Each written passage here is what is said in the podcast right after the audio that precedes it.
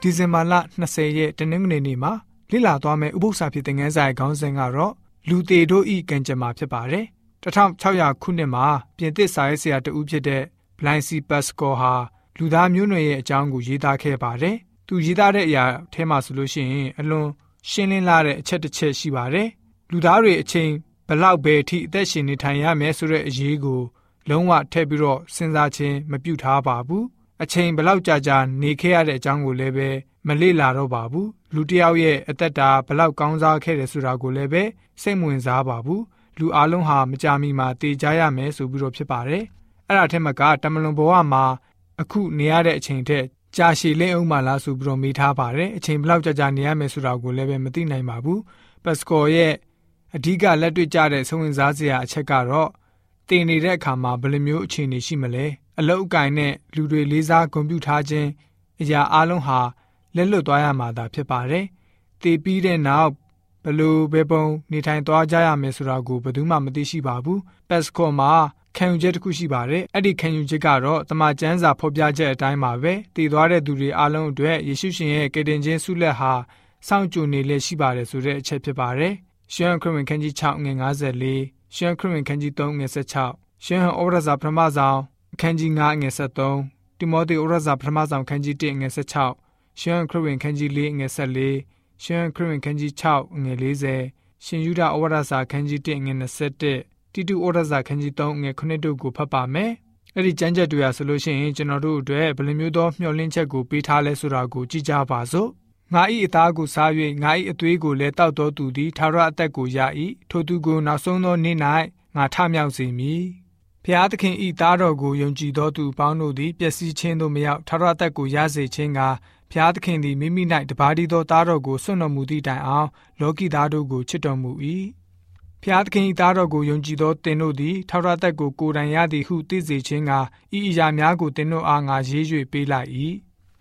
သို့တော်လည်းထာဝရအသက်အလို့ငါယုံကြည်လက်တန့်သောသူတို့လိုက်စရာပုံသက်တွေဖြစ်စေခြင်းကအကြီးဆုံးသောအပြစ်ရှိသောငါ၌ယေရှုခရစ်သည်ကတ်သိမ်းသောခန္တီတော်ကို ပြတော်မူမည်အကြောင်းငါကိုတနာတော်မူပြီးငါပေးသောရေကိုတောက်သောသူမူကားရေငတ်ခြင်းနှင့်အစင်မပြတ်ကင်းလွတ်လိမ့်မည်ငါပေးသောရေသည်ထိုသူ၌ထာဝရအသက်ရှင်ခြင်းအလို့ငါထွက်သောစမ်းရည်ဖြစ်လိမ့်မည်ဟုမိန့်တော်မူ၏။တားတော်ကိုကြည်မြင်၍ယုံကြည်သောသူရှိသမျှတို့သည်ထာဝရသက်ကိုရစေခြင်းက၎င်းအလိုတော်ရှိ၏။ငါသည်လည်းနောက်ဆုံးသောနေ့၌ထိုသူတို့ကိုထားမြောက်စေမည်ဟုမိန့်တော်မူ၏။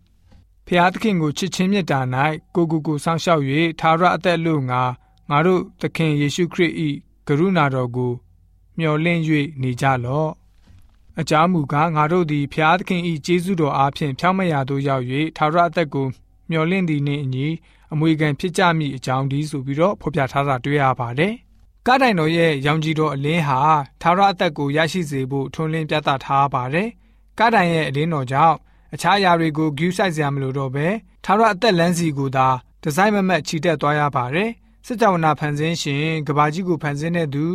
အဲ့ဒီသူမှာကျွန်တော်တို့ဟာအသက်ရှင်ရတယ်လှုပ်ရှားရတယ်ဖြစ်တည်လျက်နေကြရပါတယ်ဖျားသခင်ဟာလူရဲ့အသွေးသားကိုခံယူပြီးတော့လူစားတိကိုယူတင်ပြီးတော့အဲ့ဒီအသွေးသားနဲ့ပဲအသေးခံခဲ့ပါတယ်အဲ့ဒီရာဟာကျွန်တော်တို့လူသားအားလုံးအတွက်ပဲဖြစ်ပါတယ်ဒီလိုကြောင့်ဓမ္မသစ်ကျမ်းကဂရိတော်တွေကို တွေ့ရှိနိုင်ပါတယ် ထာဝရအသက်ပြီးတော့ထာဝရအသက်ရှင်ခြင်းအကြောင်းနဲ့ပတ်သက်တဲ့ဂရိတော်များစွာရှိနေပါတယ်ထာဝရအသက်ရှင်ခြင်းရဲ့အာမခံချက်ကိုပြန်လည်တိဆောက်ပေးခဲ့ပါတယ်ရုံညံ့တဲ့တေခြင်းကိုပြုပြင်ဖို့နှစ်ပေါင်းတန်ပေါင်းထောင်ချီပြီးတော့ပြုပြင်စရာမလိုပါဘူးပြုပြင်လို့လည်းပဲမရပါဘူးသာရကာလတည်သာအရာခတ်သိမ်းကိုညီမျှမှုဖြစ်စေနိုင်ပါတယ်အကန့်အသတ်ရှိတဲ့ဒါမှမဟုတ်အကန့်အသတ်မဲ့တဲ့အရာနဲ့မနှိုင်းယှဉ်နိုင်ပါဘူးအစဉ်အမြဲအကန့်အသတ်မဲ့တဲ့ကာလဖြစ်မှာဖြစ်ပါတယ် ပတ်စကောရဲ့ခံယူချက်ကအမှန်ပဲဖြစ်ပါတယ်